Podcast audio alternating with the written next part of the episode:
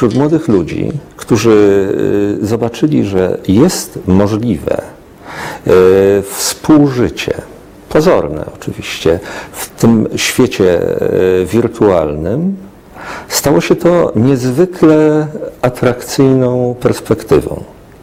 Y, Bardzo wielu z młodych ludzi uwierzyło, że w tym świecie można będzie budować y, nowe reguły postępowania, reguły właściwie bazujące na braku sztywnych zasad. Później coraz szerzej uświadamiana anarchia świata internetowego była ogromną wartością, bo ona e, służyła postawom niezwykle twórczym, nieograniczonym żadnymi konwencjami, żadnymi tradycjami. Ogrodnik króla Ludwika XIV miał w pewnym momencie duży problem, ponieważ stwierdził, że goście króla a, depczą potrawie w miejscach, potrawie lub po innych roślinach w Wersalu, w ogrodzie Wersalu, w miejscach, w których e, te rośliny były szczególnie delikatne. W związku z tym wpadł na pomysł, żeby oznaczyć te miejsca tak, żeby ludzie tam nie wchodzili i poustawiał etykiety z napisem nie wchodzić, nie deptać trawników. Oczywiście a goście króla nadal to ignorowali i y, dopiero król osobiście musiał e, wydać edykt, który nakazywał przestrzeganie etykiety, czyli przestrzeganie tych rozmieszczonych tabliczek. E, W związku z tym etykieta jest to teraz coś takiego, co mm, e, zostało w jakiś sposób skodyfikowane i oficjalnie zatwierdzone. Może już nie przez króla dzisiaj, ale przez no, chociażby komitet, który określa standardy w internecie, czy też w jakikolwiek inny sposób skodyfikowane. E, No i stąd ta nazwa. Na poziomie indywidualnym y, nową jakością jest sposób komunikowania się. Y, Łatwość przekazywania dowolnych treści w dowolnej formie, bez y, przykładania y, tradycyjnie y, uznanej wagi do tego, że odbiorca zasługuje na pewien szacunek. Jeśli mówię o nowych e, wartościach, nowych układach, to mam na myśli również e, sprawy, które dotyczą oddziaływań społecznych, nie tylko kontaktów indywidualnych, ale e, tej e, zupełnie nieznanej, niemożliwej wcześniej łatwości rozprzestrzeniania różnego rodzaju treści, a w ten sposób to właściwie jednym ruchem można w milionach e, egzemplarzy wiadomość rozesłać po sieci. I jeśli nawet ogromna większość odbiorców będzie świadoma rzeczywistego znaczenia e, konkretnego tekstu, to zawsze znajdzie się część, która ulegnie jego powabom, y, ulegnie y, tej formie, która w wiadomości jest zawarta i zacznie y, wiadomość żyć swoim własnym, y, niezależnym życiem, stanie się nowym bytem.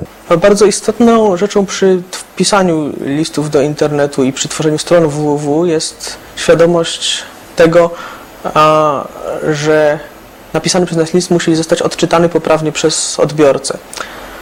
E, Nie możemy zakładać, że adresat listu będzie miał zainstalowany taki sam system do czytania poczty, takie same czcionki, jak na naszym komputerze. E, W szczególności wysyłając na przykład list y, z Polski do Japonii, nie możemy zakładać, że w Japonii będą e, zainstalowane u odbiorcy polskie czcionki. W takim wypadku staramy się ograniczyć e, używane litery tylko do liter ASCII, czyli do, do liter alfabetu łacińskiego bez jakichkolwiek znaków. Jeżeli natomiast piszemy do Polaka, no to oczywiście mm, dobre wychowanie pozwala nam używać polskich liter, Ale również tutaj musimy brać pod uwagę to, że te litery mogą być w inny sposób kodowane na różnych komputerach, co e, przy e, różnych właśnie sp- sposobach kodowania będzie powodowało kłopoty w odczytaniu tego u odbiorcy, e, dlatego że jego system może nie spodziewać się tego, że, że, że, że polskie litery zostały zakodowane inaczej niż, niż on to na co dzień używa. A W związku z tym w e, internecie został wprowadzony standard kodowania polskich znaków, zarówno w mailu, jak i w www. I tym standardem jest standard międzynarodowy ISO 88592. Oznacza to, że program odbierający pocztę po stronie adresata spodziewa się, że jeśli poczta zawiera tekst w języku polskim, to ten tekst jest zakodowany w tym standardzie yy, i program ten ma za zadanie albo pokazać ten tekst na ekranie odbiorcy od razu w tym standardzie, albo przekodować go e, do takiego standardu polskich liter, który jest akceptowany przez odbiorcę. E, O tym oczywiście musi pamiętać również nadawca, tworząc list.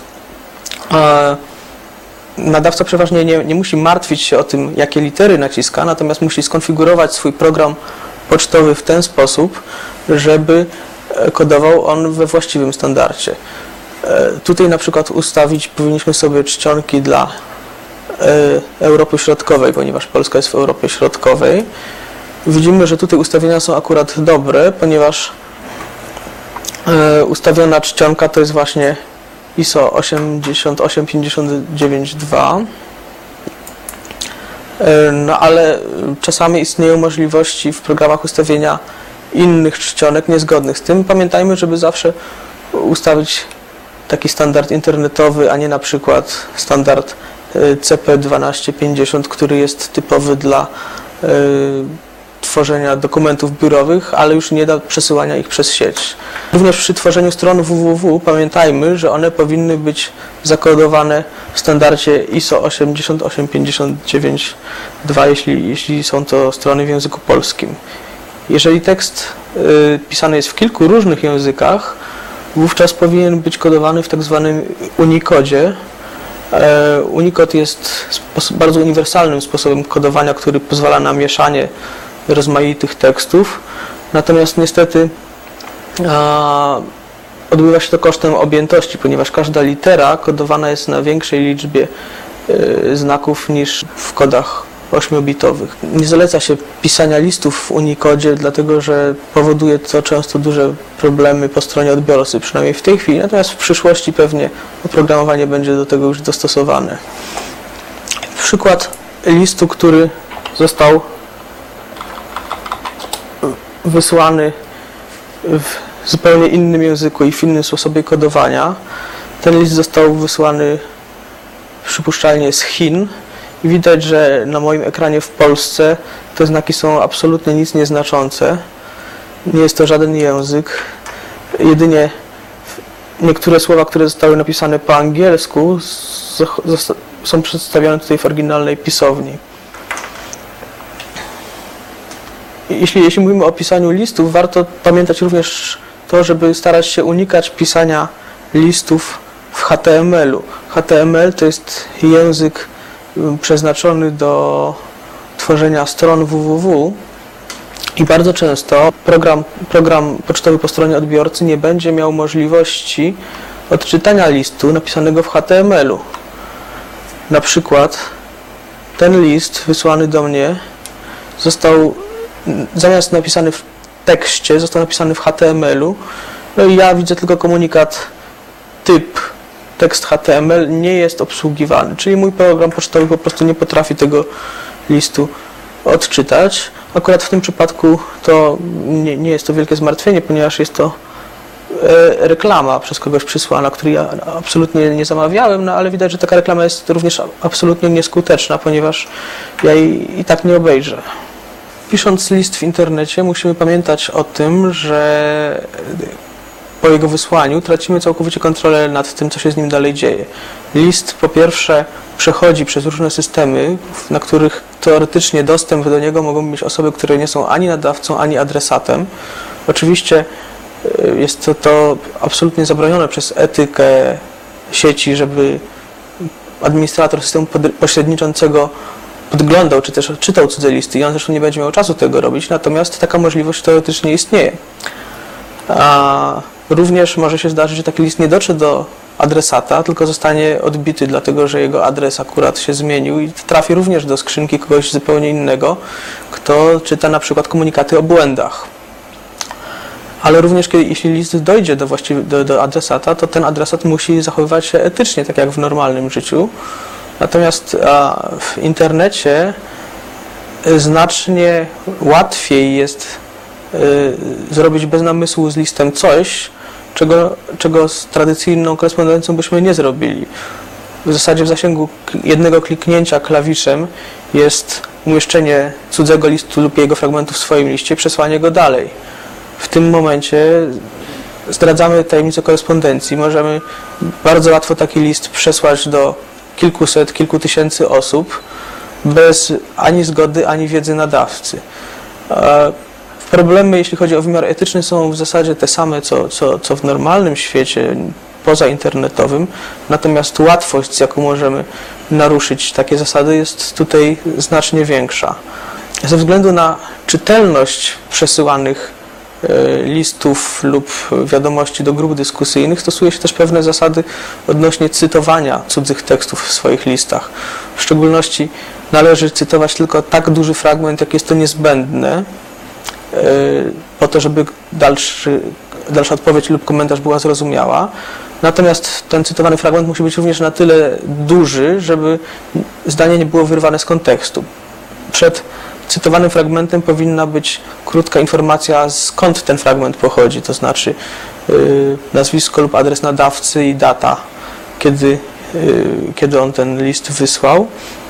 A, I fragment cytowany powinien być wyraźnie wyróżniony. Przeważnie przyjmuje się, że yy, wyróżnieniem cytowanego fragmentu jest znak e, większości na początku każdego wiersza. Odpowiedź na cytowany fragment powinna się znajdować pod, a nie nad tym fragmentem, ponieważ jeżeli w liście znajduje się kilka cytatów, to e, jeśli odpowiedzi będziemy umieszczali w różnych miejscach, nie będzie oczywiste, którego fragmentu dotyczy która odpowiedź.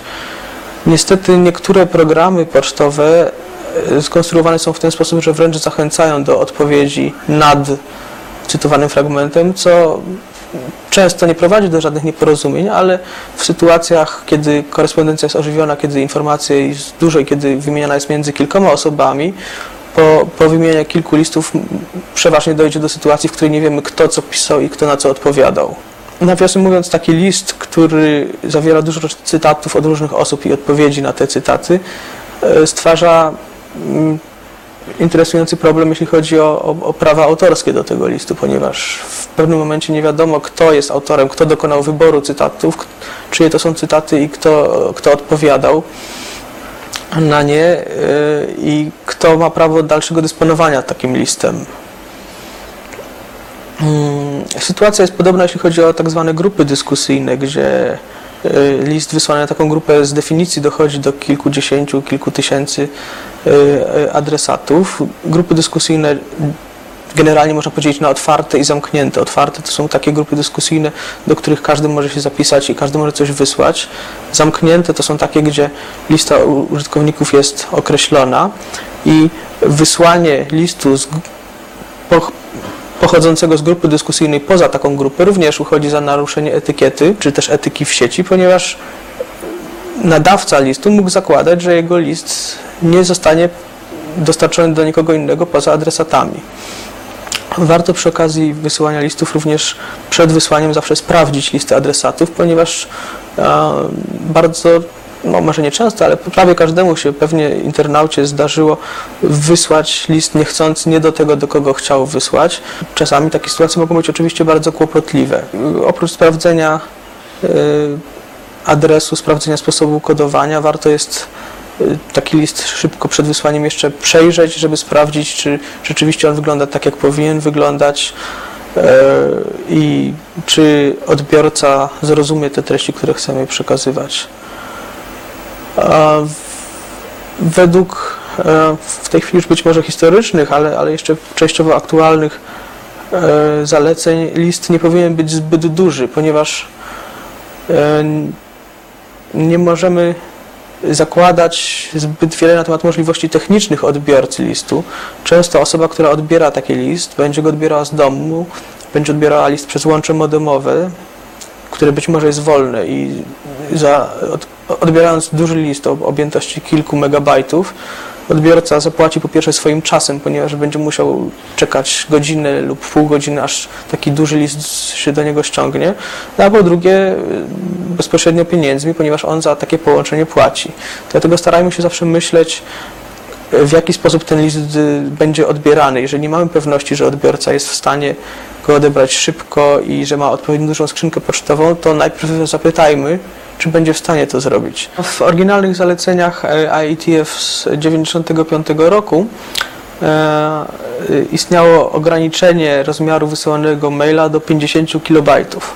Często e, po jakichś wakacjach spontanicznie możemy mieć chęć wysłać znajomym całą, cały plik zdjęć z tych wakacji, nie myśląc ani przez chwilę, jakie to będzie miało konsekwencje. Ktoś, kto daje nam swój adres e-mailowy po to, żebyśmy wysłali do niego jakąś wiadomość, odpowiedzialny jest za to, żeby ta wiadomość również do niego doszła. W szczególności e, powinien dbać o to, żeby jego skrzynka miała odpowiednią ilość pustego miejsca na przyjęcie tej wiadomości. Niestety często spotyka się taką sytuację, w której e, ludzie po prostu lekceważą swoich nadawców i nie, nie czyszczą swoich skrzynek, nie kasują starych wiadomości. Jeśli skrzynka jest już zapchana, no to niestety nadawca otrzyma informację o tym, że jego poczta nie mogła być doręczona. No i w zasadzie komunikacji żadnej między nadawcą a odbiorcą nie ma, ponieważ odbiorca już nie ma możliwości nawet dowiedzieć się o tym, że ten mail został do niego wysłany, więc e, musimy pamiętać o tym, że jeżeli chcemy używać maila, to dajmy mu szansę. Musimy również po stronie odbiorcy zachowywać się w sposób odpowiedzialny i z szacunkiem dla nadawcy. Jaki ma to związek z tymi młodymi entuzjastami, z młodymi anarchistami internetu, którzy wyobrazili sobie, że y, nastąpił początek y, nowej ery świata wolnego od reguł? Y, To, co było najbardziej istotne, to fakt, że w tym nowym świecie granice swobody są nieporównanie większe, ale one istnieją dalej.